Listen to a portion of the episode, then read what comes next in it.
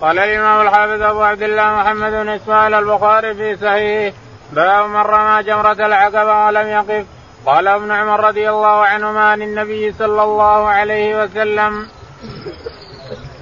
بسم الله الرحمن الرحيم الحمد لله رب العالمين وصلى الله على نبينا محمد وعلى آله وصحبه أجمعين.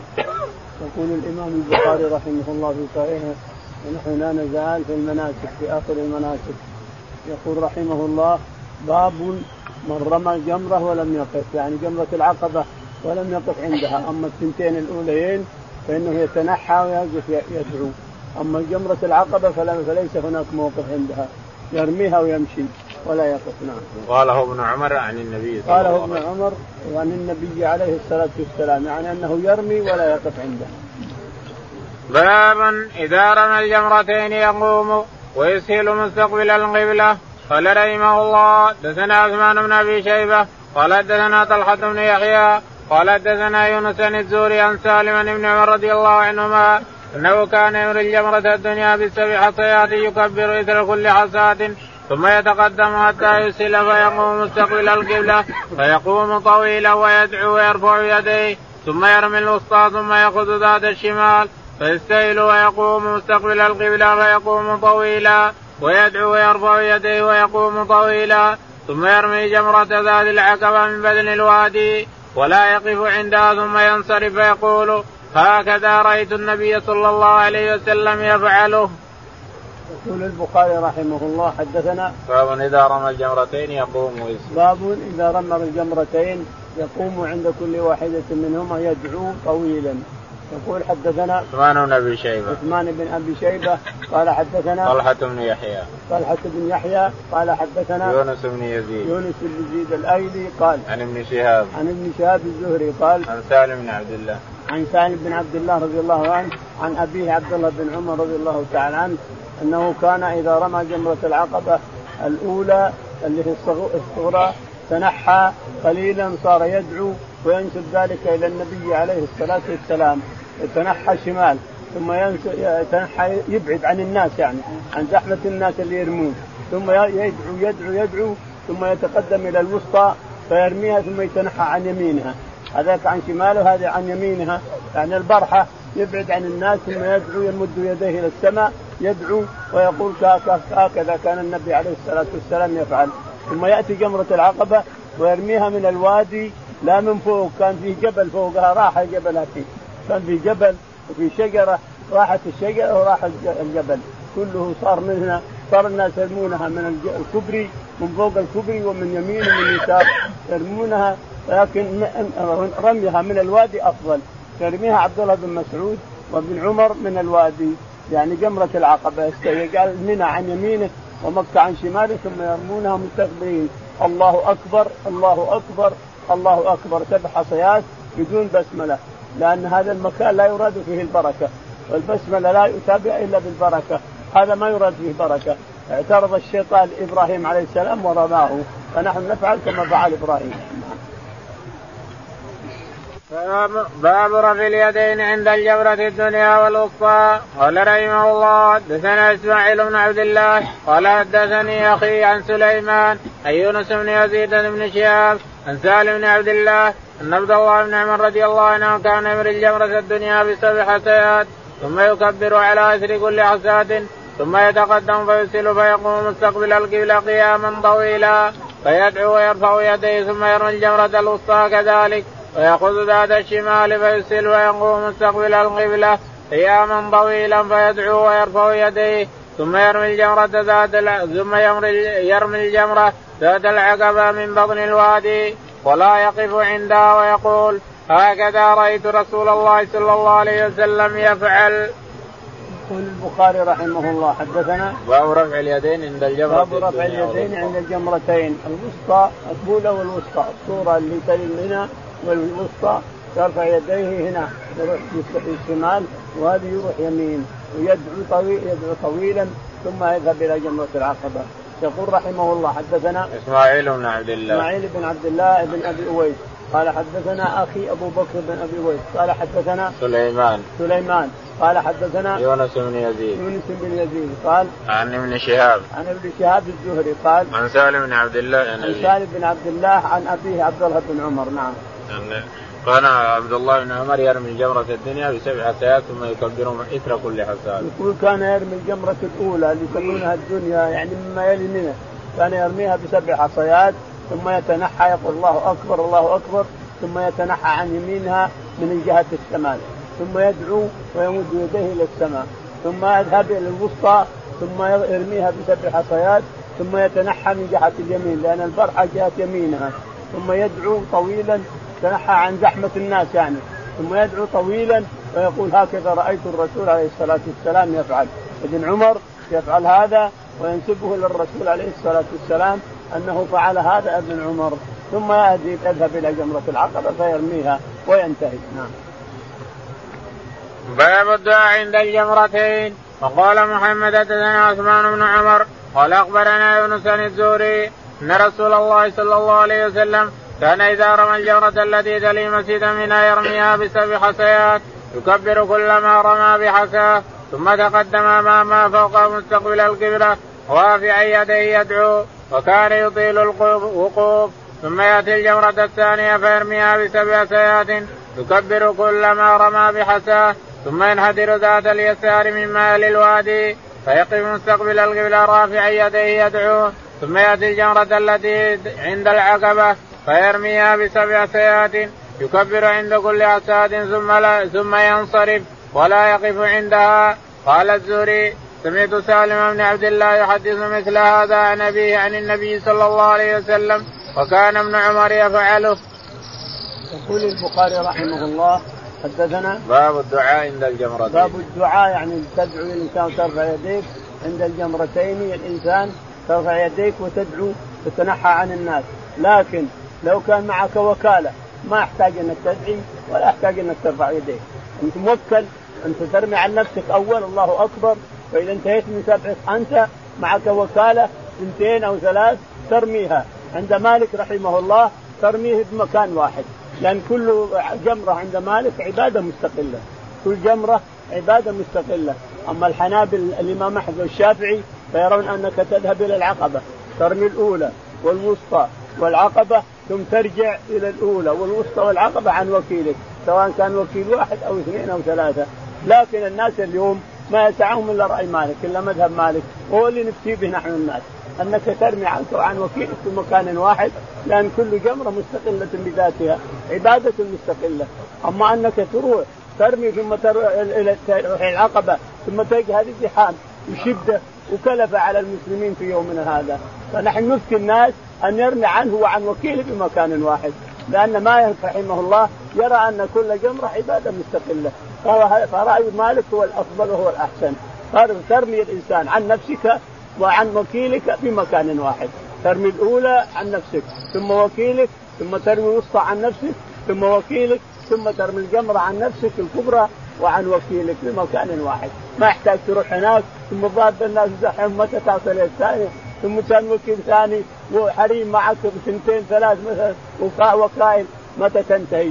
يعني معناه رايح جاي رايح جاي وسط الزحام تتلف الإنسان وتتعب ما وصلت إلى جمرة العقبة إلى آخره. فمذهب مالك هو الأريح للناس والأرجح وهو الرحمة لبني آدم اليوم. نعم. قال باب الدعاء عند الجمرتين. باب الدعاء عند الجمرتين. قال رحمه الله حدثنا محمد بن بشار. محمد بن بشار. قال حدثنا عثمان بن عمر. عثمان بن عمر. قال حدثنا الزهري. عن يونس. عن يونس؟ عن يونس. قال عن الزهري. عن الزهري قال أن رسول الله صلى الله عليه وسلم كان إذا رمى الجمره التي تلي مسجد منها يرميها بسبع سيارات. يقول حدثنا محمد بن بشار قال حدثنا عثمان بن عمر عثمان بن عمر قال حدثنا يونس بن يزيد يونس بن يزيد الايلي قال عن الزهري عن الزهري قال أن رسول الله صلى الله عليه وسلم كان إذا رمى الجمره التي تلي مسجد منها يرميها بسبع. يقول أن الرسول عليه الصلاة والسلام كان يرمي الجمرة الأولى والثانية ثم يدعو عليهم ويرفع يديه وباب باب الدعاء عند الجمرتين يقول إنه يرمي ويتنحى شمالا ثم يدعو يبعد عن الناس. ويرمي الثانية كذلك ويرمي العقبة ولا يقف عندها. نعم. قال الزهري سمعت سالم بن عبد الله يحدث مثل هذا عن أبيه عن النبي صلى الله عليه وسلم. قال الزهري سمعت سالم بن عبد الله بن عمر يحدث مثل هذا عن النبي صلى الله عليه وسلم يعني رفعه. الزهري كان علقه بالأول ثم أخيرا أتى به موصولا. وصله عن سالم عن عبد الله بن عمر عن النبي عليه الصلاة والسلام. وكان ابن عمر يفعله. وكان عبد الله بن عمر يفعله وينسبه إلى النبي عليه الصلاة والسلام نعم.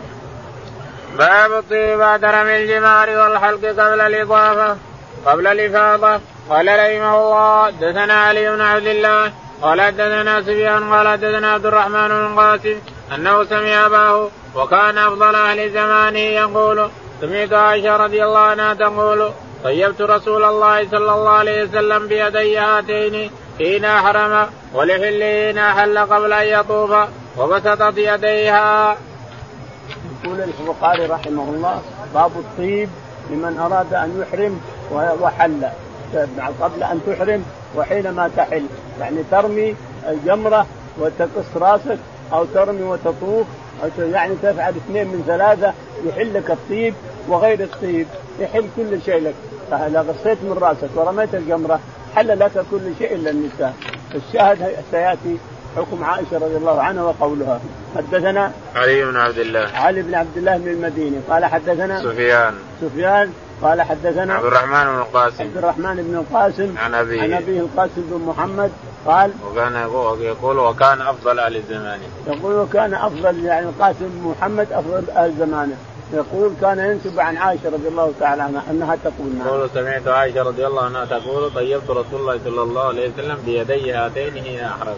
يقول عائشة رضي الله تعالى عنها أنها طيبت الرسول عليه الصلاة والسلام يعني وضعت في رأسه المسك المسك والمحلول وغيره من الطيب اللي تجمد الشعر فيه يقول طيبته قبل أن يحرم وطيبته حينما حل. يعني رمى الجمرة وحلق رأسه طيبته حينما رمى الجمرة وحلق طيبته أيضا مثل الطيب الأول. يعني هذا من السنة. أنك إذا الإنسان تريد أن تحرم أطيب نفسك الإنسان طيب شعر رأسك وطيب لحيتك وطيب الإحرامات اللي عليك. بس إذا نزعت الإحرام اللي طيبته ما يمكن تعيده حتى تغسله.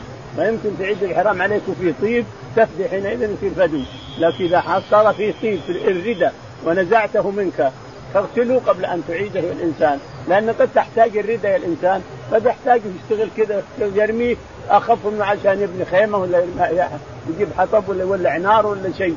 لكن إذا كان فيه طيب لا تعيده على جسدك حتى تغسل الطيب منه. فالشاهد أن عائشة رضي الله تعالى عنها يقول طيبت الرسول عليه الصلاة والسلام لإحرامه يعني بذي الحليفة وضعت المسك ولبدت رأسه بالمسك. وبعد ما حل في منى يعني بعد ما رمى الجمرة وحلق رأسه حل التحلل الأول. فلك أن تتحلل التحلل الأول وتفعل ما تشاء. تلبس ثيابك وتطيب وتعمل ما تشاء إلا النساء. كل شيء يحل لك إذا حللت التحلل الأول. سواء رميت الجمرة وقصيت أو رميت الجمرة وطفت في البيت أو حلقت في البيت كل واحد. اثنين من ثلاثة.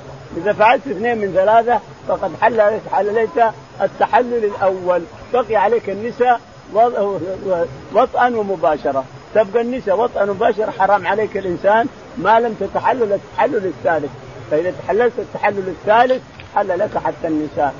يعني حتى لو أنت في منى لو تحللت التحلل الثلاثة كلها هذا حللت التحلل يعني طفت وسعيت ورميت وحلقت رأسك حل لك حتى النساء حتى في منى. أيام منى أكل وشرب ومباعلة. يعني نكاح. أنت بخيمتك الإنسان إن أحد لك أن تنكح زوجتك حتى في أيام منى الثلاثة. لأنك خلاص حليت التحلل كله. ما عليك شيء الإنسان. أما إذا لم يتحلل التحلل الثالث فليس له النساء وطئا ومباشرة. لابد من أن تكمل الثلاثة. يطوف. ويسعى ويحلق أو يقصر. حينئذ تحل لها المرأة. وإلا فلا تحل. إذا كان حلق وتقصير فقط أو حلق وطواف فقط فلا يحل إلا الطيب واللباس والاشياء كلها التحلل الأول. ولحله نعهل قبل أن يطوف.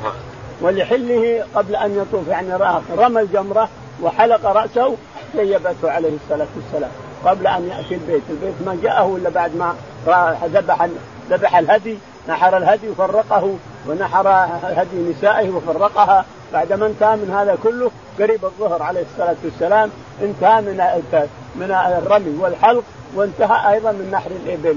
بعد ذلك أتى إلى البيت وطاف للبيت وقد سعى قبل. سعى سابقا فلما طاف بالبيت وانتهى من الطواف أذن الظهر. صلى عليه الصلاة والسلام الظهر هنا ويقال إنه نزل إنه رجع إلى منى ووجدهم لم يصلوا الظهر فصلوا. أعتقد إن ابن القيم ذكر هذا أو شيء من هذا نعم. وبسطت يديه. يقول وبسطت يديها. يقول بسطت يديها. يعني إني طيبت بيدي هذه. بعض الناس ينكر. يقول لا ما تطيب ما يصير اطيب ما تطيب انت تبي تحرم ولا تطيب عندما حتى تحل التحلل كله قالت طيبت الرسول عليه الصلاة والسلام بيدي هاتين. حطيت براسه بيدي هاتين وبسطت يديها.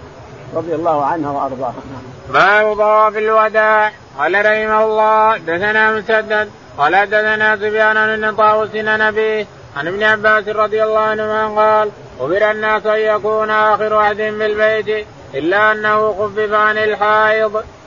يقول البخاري رحمه الله باب طواف الوداع. طواف الوداع على كل خارج من مكة. هذا مذهب الأئمة الأربعة بأكملهم. أنه على كل خارج مكة. حتى أهل مكة إذا أراد أن يغادر مكة لابد أن يودع فطواف الوداع يا إخواني على كل خارج من مكة وإلا فهو آثم أمام رب العالمين وعليه دم. ولا نسمع إلى إخواننا هذول يفكرون هنا وهنا آه عمره ما له وداع ليش؟ ليش ما له وداع؟ هذا البخاري ومسلم وأبو داود والترمذي والنسائي وابن ماجه كل الستة يرون أن العمرة لها وداع. كل الستة يرون أن العمرة نقلوا الحديث هذا. حديث ابن عباس. أمر الناس. من أمر الناس؟ الرسول عليه الصلاة والسلام. أن يكون آخر عهدهم بالبيت طوافا. يقول أبو داود زاد عن البخاري ومسلم قالوا أمر الناس أن يكون آخر عهدهم بالبيت. إلى هنا البخاري ومسلم. زاد أبو داود طوافا. يعني يكون آخر عهدك بالبيت طوافا. حتى على مكة. حتى السكان مكة. إذا أراد أن يغادر لازم يطوف. لأنه على كل خارج من مكة. ما هو بس للعمرة ولا للحج بل على كل خارج من مكة. يريد أن يغادر مكة لازم يودع البيت. أمر الناس الناس كله متحرك الجن والإنس. أمروا أن يكون آخر عهده بالبيت. نعم. قال حدثنا مسدد. يقول البخاري رحمه الله حدثنا مسدد. قال حدثنا سفيان. سفيان. قال حدثنا عبد الله بن طاووس. عبد الله بن طاووس عن أبيه. عن أبيه طاووس عن قال ابن عباس. عن ابن عباس رضي الله عنهما قال أمر الناس أن يكون آخر عهد بالبيت يقول ابن عباس رضي الله تعالى عنه أمر الناس وابن عباس يقول أمر من اللي أمر الناس؟ من يقدر يأمر الناس إلا رب العالمين وعلى لسان نبيه عليه الصلاة والسلام؟ أمر الناس أن يكون آخر عهد بالبيت طوافا. هذا زيادة أبي داود. أمر الناس أن يكون آخر عهدهم بالبيت قال أبو داود طوافا. يعني ان تطوف بالبيت. أما علماء الحديث فيرون أنهم يقفون على ما روى البخاري ومسلم. أمر الناس أن يكون آخر عهدهم بالبيت. يعني لو وقفت الإنسان هنا ولو ما طف جاز لك أن تنصرف لكن أبو داود زادنا بسند بسند صحيح أنه طوافا. لازم تطوف بالبيت يا الإنسان. لأنك تقبل انسان يبغى تغادر تغادر بيته. رايح تحتضنه وتقبله فلازم تطوف بالبيت لأن هذا احتضان البيت أنك تطوف به طوافا أمر الناس أن يكون آخر عهد بالبيت أن يكون آخر عهد بالبيت طوافا نعم. قال رحمه الله دثنا أسبق بن الفرج قال أخبرنا ابن وهب عن عمرو بن الحارث عن أن أنس بن مالك رضي الله عنه حدثه أن النبي صلى الله عليه وسلم صلى الظهر والعصر والمغرب والعشاء ثم رقد رقدة بالمحسب ثم ركب إلى البيت فطاف به. تابعه الليث. قال حدثني خالد عن سعيد عن قتادة أن أنس بن مالك رضي الله عنه حدثه عن النبي صلى الله عليه وسلم. يقول البخاري رحمه الله حدثنا أصبغ بن الفرج. أصبغ بن الفرج. قال حدثنا عبد الله بن وهب. عبد الله بن وهب. قال حدثنا عمرو بن الحارث. عمرو بن الحارث. قال عن قتادة. عن قتادة. عن أنس بن مالك. عن أنس بن مالك رضي الله عنه قال النبي صلى الله عليه وسلم صلى الظهر والعصر والمغرب والعشاء ثم رقد رقدة بالمحصب.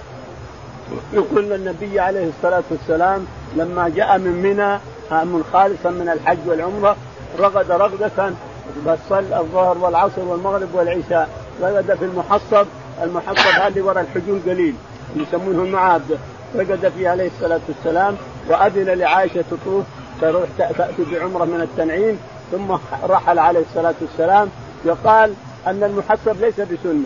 رغبه الرسول فيه وجلوسه فيه بعد الحج ليس بسنة وإنما أسمح لطريقه يعني المحسب ثم جاء على الطريق هذا وخرج من باب هذا اللي يسمى كدى اللي يسمى كدى بالضم.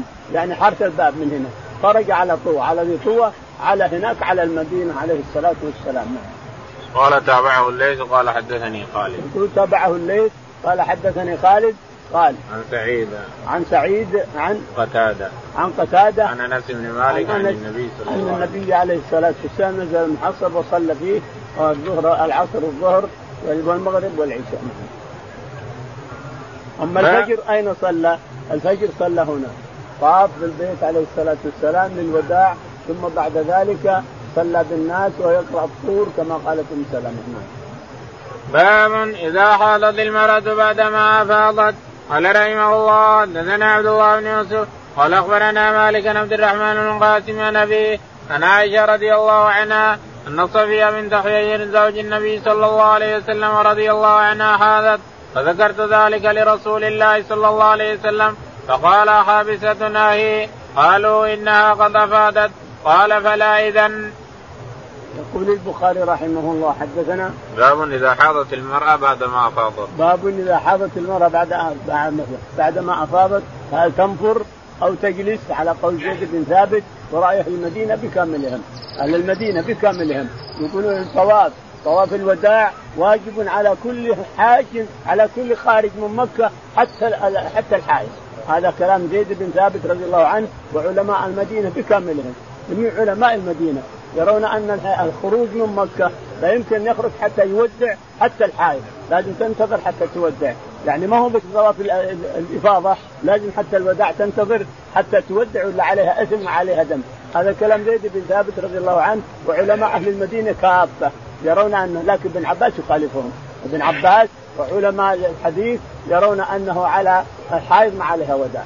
لأن النبي صلى الله عليه وسلم كما ورد في الحديث هنا يقول البخاري رحمه الله حدثنا عبد الله بن يوسف. عبد الله بن يوسف قال حدثنا مالك. مالك قال حدثنا عبد الرحمن بن القاسم عبد الرحمن بن القاسم عن أبيه. عن أبيه القاسم بن محمد. عن عائشه عن عائشة. رضي الله تعالى عنها قالت أن صفية بنت حيي زوج النبي صلى الله عليه وسلم حادث فذكرت ذلك لرسول الله أن صفية بنت حيي أراد الرسول منها عليه الصلاة والسلام في ايامنا آخر أيامنا. ما يريد الرجل المرأة فقالوا إنها إنها حائض. قال حابستنا عقرة حلقة. هذا دعاء لا يراد حقيقته. عقرة يعني تعقر وحلقة يحلق رأسها لا يراد الحقيقة وإنما يتلفظون به الناس بالشكل هذا. فقال عقرة حلقة. وحابسة هي يعني إنها إذا ما طافت طواف الإفاضة معناه نحتبس نجلس حتى تنتهي.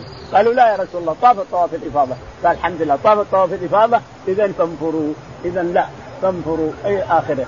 الشاهد أنه قال ما دام طاف طواف الإفاضة فطواف الوداع ليس على الحائض ولا على النفس طواف وداع ولا على من شاكلتهم من المشلولين وغيرهم نعم.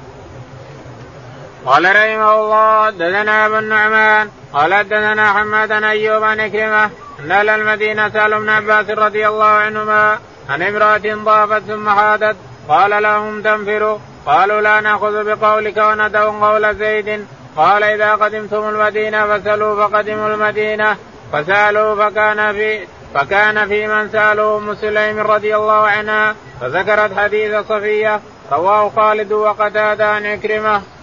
يقول البخاري رحمه الله باب تابع للباب. تابع حدثنا أبو النعمان. أبو النعمان محمد بن الفضل عالم قال حدثنا زي حماد بن زيد. حماد بن زيد قال عن أيوب السختياني. عن أيوب السختياني عن عكرمة. عن عكرمة عن ابن عباس رضي الله تعالى عنهما. نعم. أن أهل المدينة سألوا ابن عباس رضي الله عنه ان أهل المدينة سألوا ابن عباس رضي الله تعالى عنه عن الحائض هل توادع؟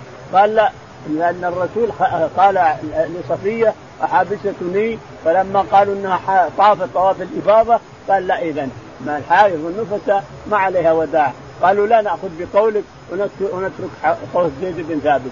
زيد بن ثابت وأهل المدينة يرون أن حتى الحائض لازم أن توادع حتى الحائض يجب أن توادع انظر إخواننا اللي يقول لا العمرة ما لها وداع وكذا وكذا يأخذون بقول ابن خزيمة. ما يخالف.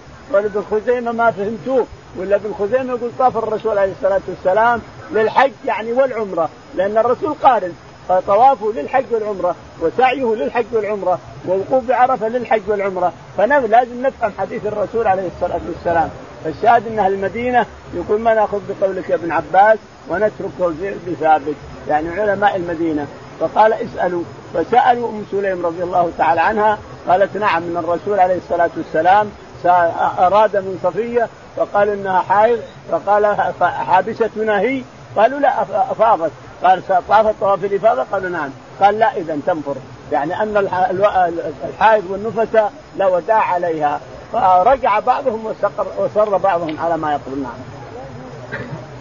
قال رحمه الله دثنا مسلم. قال دثنا وهيب. قال دثنا ابن طاووس نبي ابن عباس رضي الله عنهما قال رخص للعائد أن تنفر إذا أفاضت. قال وسمعت ابن عمر رضي الله عنهما يقول إنها لا تنفر. ثم سمعته يقول بعد إن النبي صلى الله عليه وسلم رخص لهن. يقول البخاري رحمه الله حدثنا مسلم بن إبراهيم. مسلم بن إبراهيم قال حدثنا وهيب بن خالد. وهيب بن خالد قال حدثنا عبد الله بن طاووس. عبد الله بن طاووس عن أبيه. عن, أبيه عن, عن ابن عباس رضي الله عنهما قال رخص للحائض أن تنفر إذا رخص للحائض أن تنفر إذا كانت طافت طواف الإفاضة. رخص لها أن تنفر. يعني الحائض والنفس لا طواف عليها للوداع. ابن عمر يقول عليها طواف ثم رجع بعد ذلك لأنه سمع حديث أم سليم. أم سليم أخبرته أن الرسول قال لصفيه لما قالوا حائض قال حابسة قالوا لا طاف طواف الإفاضة. قال لا إذا تنفر حينئذ هذا حجة على من يقول أن الحائض لازم أن تطوف حجة عليه. فالحائض لا تطوف والنفس لا تطوف ومن على شاكلة من الأعذار. نعم. قال رحمه الله دثنا أبو النعمان قال دثنا أبو عوان منصور بن إبراهيم عن الأسود عن عائشة رضي الله عنها قالت خرجنا مع النبي صلى الله عليه وسلم ولا نرى إلا الحج. فقدم النبي صلى الله عليه وسلم فطاف البيت وبين الصفا والمروة ولم يحل وكان معه الهدي فطاف من كان معه من نسائه وأصحابه وحل منهم من لم يكن معه الهدي فحاضت هي فنسكنا مناسكنا من حجنا فلما كان ليلة الحسبه وليلة النفر قالت يا رسول الله كل أصحابك يرجو بحج وعمره غيري. قال ما كنت تطوفي بالبيت الليالي قدمنا. قلت لا. قال فاخرج مع أخيك إلى التنعيم فهل بعمرة وموعدك مكان كذا وكذا. فخرجت مع عبد الرحمن إلى التنعيم فالبت بعمرة وهذا الصفي من ضحيين فقال النبي صلى الله عليه وسلم أقرأ حلقا إنك لحابستنا اما كنت طفت يوم النهر. قالت بلى قال فلا بأس انفري. فلقيته مسعدا على أهل فلقيته مسعدا على أهل مكة وأنا مهبطة أو أنا مسعدة وهو مهبط. فقال مسدد قلت لا. تابعه جرير عن منصور في قوله لا. يقول البخاري رحمه الله حدثنا أبو النعمان. أبو النعمان محمد. قال حدثنا أبو عوانة. أبو عوانة. قال حدثنا منصور بن المعتمد منصور بن المعتمد قال حدثنا إبراهيم بن يزيد. إبراهيم بن يزيد. قال حدثنا الأسود بن يزيد. الأسود بن يزيد أيضا. النخعيان. كل الاثنين نخع. قالوا حدثنا عن عائشة. عن عائشة رضي الله تعالى عنها أنها تقول أتينا من المدينة إلى مكة فمنا من من هو محرم بالحج ومنا من هو محرم بالقرآن. الرسول قارن ومن معه هدي قارن. ولما أتينا العمرة أمر الرسول الحل الصحابة أن يحلوا كل من لم يكن معه هدي أمره أن يحل. فحل الناس كلهم حتى نساءه نساء الرسول حلا وبقي هو ومن معه هدي كطلحة وغيرهم من الأغنياء بقوا على ما هم عليه حتى نحروا هديهم بمنى. فالشاهد أن الناس حلوا. تقول هي إنها حاضت في الطريق هذا حاضت ودخل عليها بسرق. وقال هذا شيء كتبه الله على بنات آدم إلى آخر قصتها التي مرتنا في البخاري مرتين أو ثلاث. ثم لما حجت وانتهى الحج وطافت للإفاضة اتت النبي عليه الصلاة والسلام لما أراد أن ينفر قالت يا رسول الله الناس ينفرون في حج وعمرة وأنفر بحج الحال. قال ما كنت تطوفين أيام قدمنا هنا؟ ما كنت تأتين البيت؟ قالت لا. قال اذهب يا عبد الرحمن اذهبنا التعيين. والمكان حنا نقدم يقول فراجعنا من من التنعيم وهو مصعد من مكة ونحن مهبطين. أو إحنا مهبطين وهو مصعد. يعني أنه أتى من خارج مكة حتى وصل إلى الحارة الباب وخرج منها. وهي جاية من التنعيم. مع باب من الحجول نازلة من التنعيم وهو خارج على مكة. أو تقول نحن جينا على مكة وخارج منها إلى آخره. وقال النسخة تقول قلت بلى والنسخة تقول قلت لا. نسخة تقول بلى؟ إيه نعم قد لا لا. الصحيح إنها لا. أما أما طفتي أيام قدومنا إلى مكة وجلوسنا بمكه ما طفتي؟ قالت لا. هذا الصحيح. لانها ما طافت. لو طافت كان ما خلاها تروح. باب من صلى العصر يوم النفر بالاضحى قال رحمه الله حدثنا محمد بن المثنى قال حدثنا إسحاق بن يوسف قال حدثنا سفيان الثوري عن عبد العزيز بن رفيع أنه قال سألت أنس بن مالك رضي الله عنه أخبرني بشيء عقلته عن النبي صلى الله عليه وسلم اين صلى الظهر يوم التروية. قال بمنى قلت فأين صلى العصر يوم النفر؟ قال بالابطح افعل كما يفعل أمراؤك. يقول البخاري رحمه الله حدثنا باب من صلى العصر يوم النفر. باب من صلى العصر يوم النفر بالابطح حدثنا آه محمد بن المثنى. محمد بن المثنى. قال حدثنا إسحاق بن يوسف. إسحاق بن يوسف قال قال حدثنا سفيان الثوري. سفيان الثوري. قال حدثنا عبد العزيز بن رفيع. عبد العزيز بن رفيع قال سألت أنس بن مالك قال أخبرني بشيء عقلته عن النبي صلى الله عليه وسلم. عبد العزيز بن رفيع إنه سأل أنس بن مالك رضي الله عنه. قال أخبرني بشيء عقلت سمى الحجول المقابل وهو الريعه الحجول الحجول اللي مقابل يسمى الحجول اللي يقول في حسان. الشاهد يقول صلى الظهر والعصر بالمحصب. نعم. يفعل كما يفعل ثم قال له أنس رضي الله عنه ينصح تلميذه عبد العزيز بن رفيع يقول افعل ما يفعل امراؤك، الشيء اللي يفعله امراؤك افعله أحسن لك وأجمل لك. يعني ان لأن الجماعه الجماعة خير والانفراد ما هو خير. نعم. قال رحمه الله حدثنا عبد المتعال بن طالب قال حدثنا ابن وهب قال أخبرني عمرو بن الحارث أن قتادة حدثه عن أنس بن مالك رضي الله عنه حدثه عن النبي صلى الله عليه وسلم أنه صلى الظهر والعصر والمغرب والعشاء ورقد رقدة بالمحسس ثم ركب إلى البيت فطاف به. يقول البخاري رحمه الله حدثنا عبد المتعال بن طالب عبد المتعال قال حدثنا قال ابن وهب ابن وهب. قال حدثنا عمرو بن الحارث. عمرو بن الحارث. قال حدثنا قتادة. قتادة. قال حدثنا أنس بن مالك. أنس بن مالك رضي الله عنه. قال النبي صلى الله عليه وسلم صلى الظهر والعصر والمغرب والعشاء ورقد رقدة في المحصن. أن النبي عليه الصلاة والسلام صلى الظهر والمغرب والعشاء صلى الظهر والعصر والمغرب والعشاء ثم رقد رقدة في المحصب بعض الناس يقول بنزل بالمحصب إذا جاء من منى وهو جاي من الآفاق يقول بنزل من المحصب ما هو سنة. النزول به نزل به ليكون أسمح لخروجه ولا فليس من السنة؟ المحصب هذا ليس من السنة. إنما نزل به عليه الصلاة والسلام ليكون أسمح لخروجه. خرج من هنا جعل مكة كلها عن يساره وخرج حتى خرج من آه، حارة الباب على ذي طوى. باب المحصب. قال رحمه الله دثنا أبو نعيم قال دثنا سفيان عن هشام نبيه عن عائشة رضي الله عنها قالت إنما كان منزل ينزله النبي صلى الله عليه وسلم ليكون أسمح لخروجه تعني الأرض بالأبطح. يقول البخاري رحمه الله باب الآن معصب.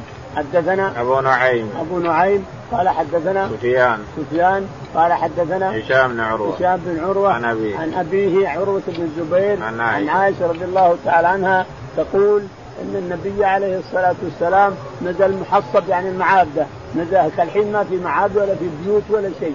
البيوت على حدود الحدود من دون الحدود على حد مسجد الراية. حتى مسجد الراية اللي محيط بها كله بر كان كان صحراء. وكان الزبير بن العوام رضي الله عنه حينما دخل الرسول مكة عام الفتح. ما في بيوت مرة واحدة.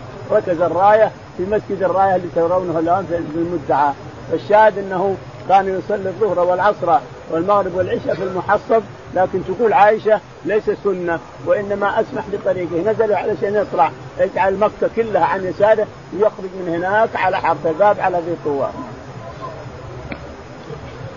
قال رحمه الله دثنا علي بن عبد الله قال دثنا سفيان قال دثنا عمرو بن دينار عن عطاء ابن عباس رضي الله عنهما قال ليس التعصيب بشيء إنما هو منزل نزله رسول الله صلى الله عليه وسلم.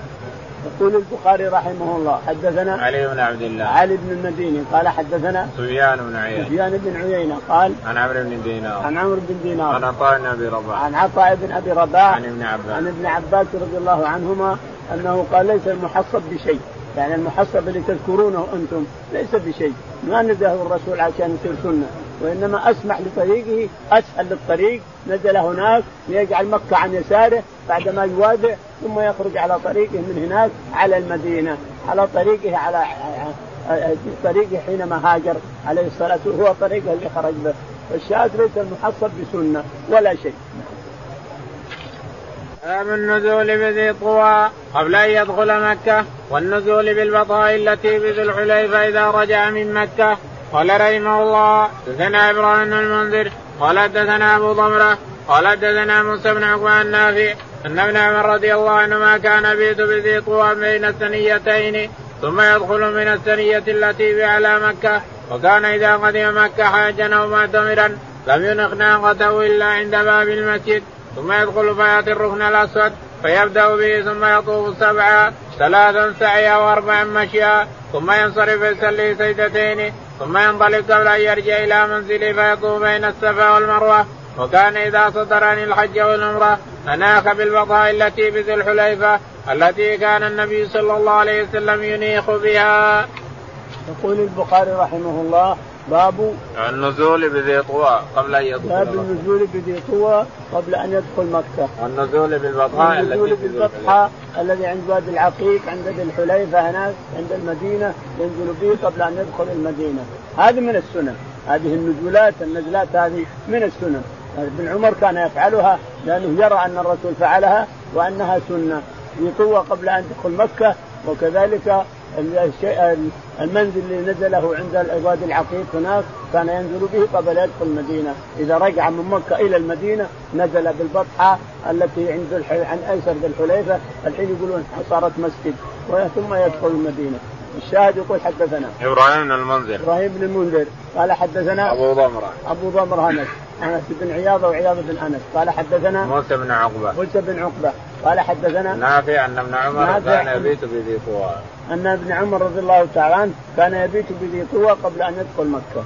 بين الثنيتين بين الثنيتين طوى معروف بين جبلين صغيرين قدام الولادة اليوم. الولادة مستشفى الولادة قدامه فوقه عمارة وهو تحتها ليوان كبير البيت تحتها. ثم يدخل من الثنية التي على مكة. ثم يدخل من الثنية التي يعني يروح من طوى من هناك ثم يدخل من الحجوز. الثنية اللي بعد مكة هي الحجوز افتح وادخل واضمم واخرج. كذا وكذا. افتح كذا. افتح وادخل واضمم كذا واخرج. حرف الباب وكان إذا قدم مكة حاجا أو معتمرا لم ينق ناقته إلا عند باب المسجد. كان الرسول عليه الصلاة والسلام ابن عمر. كان ابن عمر إذا جاء إلى مكة لم ينق ناقته إلا عند باب المسجد. ثم يذهب ويطوف بالبيت ويصلي ركعتين ثم يخرج إلى الصفا ويسعى بين الصفا والمروة ثم يقصر ثم يأتي منزله إذا كان معتمرا أو حاجا نعم. وكان إذا صدر عن الحج والعمرة اناخ بالبطحاء التي بذي الحليفة التي كان النبي صلى الله عليه وسلم ينزل كان ينزل بالبطحاء التي بذي الحليفة الآن يقولون كانت صارت مسجد قريب المدينة ما يدخل المدينة حتى ينزل بالبطحاء الذي قريب المدينة عن ايسر ذي الحليفة الميقات نعم. قال رحمه الله دثنا عبد الله بن عبد الوهاب قال دثنا خالد بن الحارث قال سئل عبيد الله عن المحسب فحدثنا عبيد الله عن نافع قال نزل بها رسول الله صلى الله عليه وسلم وعمر وابن عمر رضي الله عنهم وعن نافع أن ابن عمر رضي الله عنهما كان يصلي بها يعني المحسب الظهر والعصر حسبه قال والمغرب قال خالد لا اشك في العشاء ويجا هجعة ويذكر ذلك عن النبي صلى الله عليه وسلم. يقول البخاري رحمه الله باب المحصب. نعم. قال عبد الله بن عبد الوهاب. عبد الله بن عبد الوهاب قال حدثنا خالد بن الحارث. خالد بن الحارث. قال سئل عبيد الله عن المحصب عن عبيد الله بن عمر بن العمري قال حدثنا نافع. نافع عن عبد الله بن عمر رضي الله تعالى عنه أنه قال نعم. نزل بها رسول الله صلى الله عليه وسلم وعمر وابن عمر. أنه ينزل بالمحصب ويقول إنه نزل بها الرسول عليه الصلاة والسلام وابو بكر وعمر. يعني في المحصب اذا جو من منى نزلوه للاستراحه حتى يخرجون يجعل مكة عن يساره ويخرجون من هناك. فالشاهد ينزل بالمحصب والمحصب البطحة التي الآن صارت بيوت وقصور وسيل وصارت رصيف وصارت شجر هذا المعادة. هذا حدود قليل. هو الوادي. ينزلون فيه هو البطحة. ينزلون فيه. ينزل الرسول عليه الصلاة والسلام ليستريح يصلي فيها الظهر والعصر والمغرب وقال أشك في العشاء. قال أشك في العشاء أو قال, قال لا أشك. قال أحسبه. قال في المغرب. قال خالد لا أشك في العشاء. قال قال خالد أشك في العشاء أو قال لا أشك في العشاء. لأنه سمى الظهر والعصر والمغرب. هذا بلا شك. لكن العشاء قال أشك في العشاء أو قال لا أشك في العشاء أنه يصليها أيضا في المحصه نعم. قال ويهجأ هجعة ويذكر عن ثم ينام قليل يهجع هجع يعني ينام قليل ويذكر ذلك عن النبي صلى الله عليه وسلم عن النبي عليه الصلاة يعني أنه كان يفعل هذا يصلي المغرب والعشاء الظهر والعصر والمغرب والعشاء في المحصب وينام قليلا ثم بعد ذلك يخرج إن كان يوادع يوادع ثم يخرج مع كذا نعم. باب من نزل بذي طوى إذا رجع من مكة وقال محمد بن عيسى حدثنا حماد بن أيوب عن نافع بن عمر رضي الله عنهما أنه كان إذا أقبل بات بذي طوى حتى إذا أصبح دخل وإذا نفر مر بذي طوى وبات بها حتى يصبح. وكان يذكر أن النبي صلى الله عليه وسلم كان يفعل ذلك. يقول البخاري رحمه الله باب النزول بذي طوى سواء خارجا من مكة أو داخلا إليها. حدثنا محمد بن عيسى. محمد بن عيسى قال حدثنا حماد بن زيد. حماد بن زيد قال حدثنا أيوب. أيوب قال حدثنا نافع أن ابن عمر كان إذا نافع أن ابن عمر رضي الله تعالى عنه كان ينزل بذي طوى إذا جاء من المدينة قبل أن يدخل مكة وينزل بذي طوى إذا خرج من المدينة يريد من مكة يريد المدينة ينزل بذي طوى خارجا أو داخل. هذا ابن عمر رضي الله عنه لكن ينسب هذا الكلام عن النبي عليه الصلاة والسلام مع أنه ما ما ما غدا هذا الكلام أحد من الصحابة. يعني عند خروجه من مكة إنه ينزل بذي طوى عند خروج من مكة إلى المدينة هذا ما غداه أحد من الصحابة إلا ابن عمر كما تسمعون. نعم. باب التجارة أيام الموسم والبيع في أسواق الجاهلية. قال رحمه الله دثنا عثمان بن هيثم قال أخبرنا ابن جريج قال أخبرني عمرو بن دينار قال ابن عباس رضي الله عنهما كان ذو المجاز وعكاظ متجر الناس في الجاهلية فلما جاء الإسلام كأنهم كرهوا ذلك حتى نزلت. ليس عليكم جناح أن تبتغوا فضلا من ربكم في مواسم الحج. يقول البخاري رحمه الله باب التجارة في الحج. يعني يجي الإنسان بحج نية الحج لكن معه أموال يبيعها يضر هذا تقول لا لأن النية للحج. أنا ناوي الحج لكن أنا ببيع واشتري وأتزوج من فضل الله تعالى وتقدس فلا بأس عليك الإنسان. يقول رحمه الله حدثنا في أسواق الجاهلية. حتى في أسواق الجاهلية عكاظ مجنة أو مجاز وغيرها اللي مجنة أو مجاز عن 12 كيلو عن عرفة. يجتمع فيها العرب جميعهم وكان قس بن سعد يخطب فيها العرب هناك ليل داج ذات أبراج وفي ذات سجاج فاتقوا الله يا أهل العجاج ولا كذا إلى آخره. رآه الرسول عليه الصلاة والسلام في مجاز وهو يخطب الناس. قس بن سعد رضي الله عنه. نعم. قال حدثنا عثمان بن الهيثم. حدثنا عثمان بن الهيثم. قال حدثنا ابن جريج. ابن جريج. قال حدثنا عمرو بن دينار. عمرو بن دينار. قال أن ابن عباس رضي الله عنه قال كان ذو المجاز وعكاظ متجر الناس في الجاهلية. ابن عباس رضي الله تعالى عنه يقول كان ذي المجاز وعكاظ متاجر الجاهلية. تجتمع الناس أسواق إلى الحين أسواق عند العرب عند العرب بعسير وفي غيرها يوم الثلاثة يسمونه الثلاثة. يوم الأحد عندهم يوم الأحد وعندهم يوم الاثنين وعندهم يوم الخميس آه، خميس مشيط وخميس كذا. كلها أسواق عند العرب. إلى الآن في عسير عندهم أسواق تسمى باسم البيع التجارة البيع والشراء. يجتمعون جميع الإقليم كله. يجتمعون لكل بضاعة واللي يجيب غنم واللي يجيب حبة واللي يجيب كذا واللي يجيب كذا ويشتري ويبيعون بالأسواق. سوق كامل يجتمع فيها الناس. فكان العرب يجتمعون في مجنة وعكاظ عند عرفة 12 كيلو. يجتمعون فيها يبيعون ويشترون وكان يتحرج الانصار رضي الله عنهم الحجاج تحرجوا من الصحابة. تحرجوا من نزلت ليس بعد جناح. حتى نزلت ليس عليكم جناح أن تبتغوا كانوا يتحرجون حتى نزل قول الله تعالى ليس عليكم جناح أن تبتغوا فضلا من ربكم. يعني تجون للحج. تريد الحج أنت تنوي الحج. وأن ترى المق... المق... الأماكن المقدسة لكن تريد أن تبيع وتشتري. لا بأس عليك. باب الادلاج من المحسب قال رحمه الله دثنا عمر بن عبد قال حدثنا أبي قال حدثنا الأعمش قال حدثني إبراهيم الاسود عن عائشة رضي الله عنها قالت حاضت صفية ليلة النفر فقالت ما أراني إلا حابستكم قال النبي صلى الله عليه وسلم أقرأ حلقا أفاضت يوم النهر؟ قيل نعم. قال من فري؟ قال أبو عبد الله. وزادني محمد قال حدثنا محاضر. قال حدثنا الأعمش عن إبراهيم الاسود عن عائشة رضي الله عنها قالت خرجنا مع رسول الله صلى الله عليه وسلم لا نذكر إلا الحج.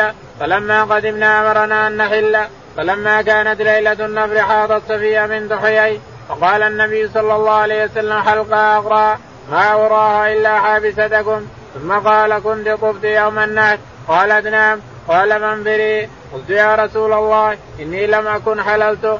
قال فاعتمري من التنعيم. فخرج معه أخوها فلقيناه مدلحا فقال موعدك مكانا كذا وكذا.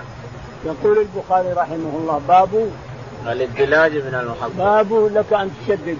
تقول الإدلاج ولك أن تقول الإدلاج. الإدلاج هو شيء من الدلجة. يعني المشي بالليل. هي من الدلجة تمشي بالليل. ويقول الإدلاج فهو شيء آخر أول الليل. أول الليل والدلجة آخر الليل. فإن مشيت اول الليل يسمى الإدلاج بالتشديد. الدلجة. أدلج دلجه من من الدلجة. وإن كان آخر الليل فهو إدلاج وشيء من الدلجه إدلاج بالتخفيف يعني أدلج دلجة إلى آخره. الشاهد يقول البخاري رحمه الله حدثنا عمر بن حفص بن غياث. عمر بن حفص قال حدثنا عن أبي حفص. عن أبي حفص بن غياث قال حدثنا الأعمش. الأعمش سليمان قال قال حدثنا إبراهيم بن يزيد. قال حدثنا إبراهيم بن يزيد النخعي عن الأسود. عن الأسود النخعي قال عن عائشة. عن عائشة رضي الله تعالى عنها قالت حاضت صفية ليلة النفر فقالت ما اراني إلا عابسا حاضت صفية ليلة النفر يعني يظنون فر الناس خلاص الرسول وادع فقالوا إنها حائض.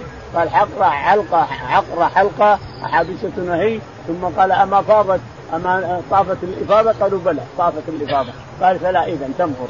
حينئذ تنفر.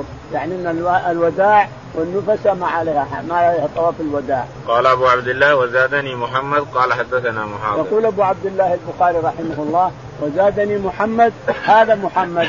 يقال إنه محمد الذهلي لأنه يروي عنه البخاري دائما لكنه ما يسميه. ما يلقب ولا يجيب لقبه لما حصل بينهما من الشدة ومن الكلام ومن الخصام ومن الزعل. فيقول زادني محمد. يقال إنه محمد البيكندي شيخ البخاري ويقال إنه محمد الذهلي ولهذا لا يذكره. قال أبو عبد الله عن البخاري زادني محمد يعني محمد الذهلي. قال نعم. قال حدثنا محاضر. حدثنا محاضر. قال حدثنا الاعمش الاعمش قال حدثنا إبراهيم بن يزيد. إبراهيم بن يزيد النخعي. عن الأسود. عن الأسود النخعي. قال عن عائشة. عن عائشة رضي الله تعالى عنها بمعنى الحديث الأول أن عائشة أن صفية حاضت وقال عقر حلقة فقالوا قد طافت الإفاضة. قال فلا اذا واستاذنته قالت إن الناس طافوا وأنا ما طفت. قال ألم تطف في القدوم؟ قالت لا. فأخرجها إلى التنعيم ثم تلاقيا وهو خارج من مكة. على هي جاءت من التنعيم من التنعيم على الحجول ونزلت ثم رأت الرسول خارجا على الهدى على هذه خرجت معه إلى آخره. والله. اللهم اهدنا فيمن هديت وعافنا فيمن عافيت وتولنا فيمن توليت. اللهم توفنا مسلمين. والحقنا بالصالحين يا رب العالمين.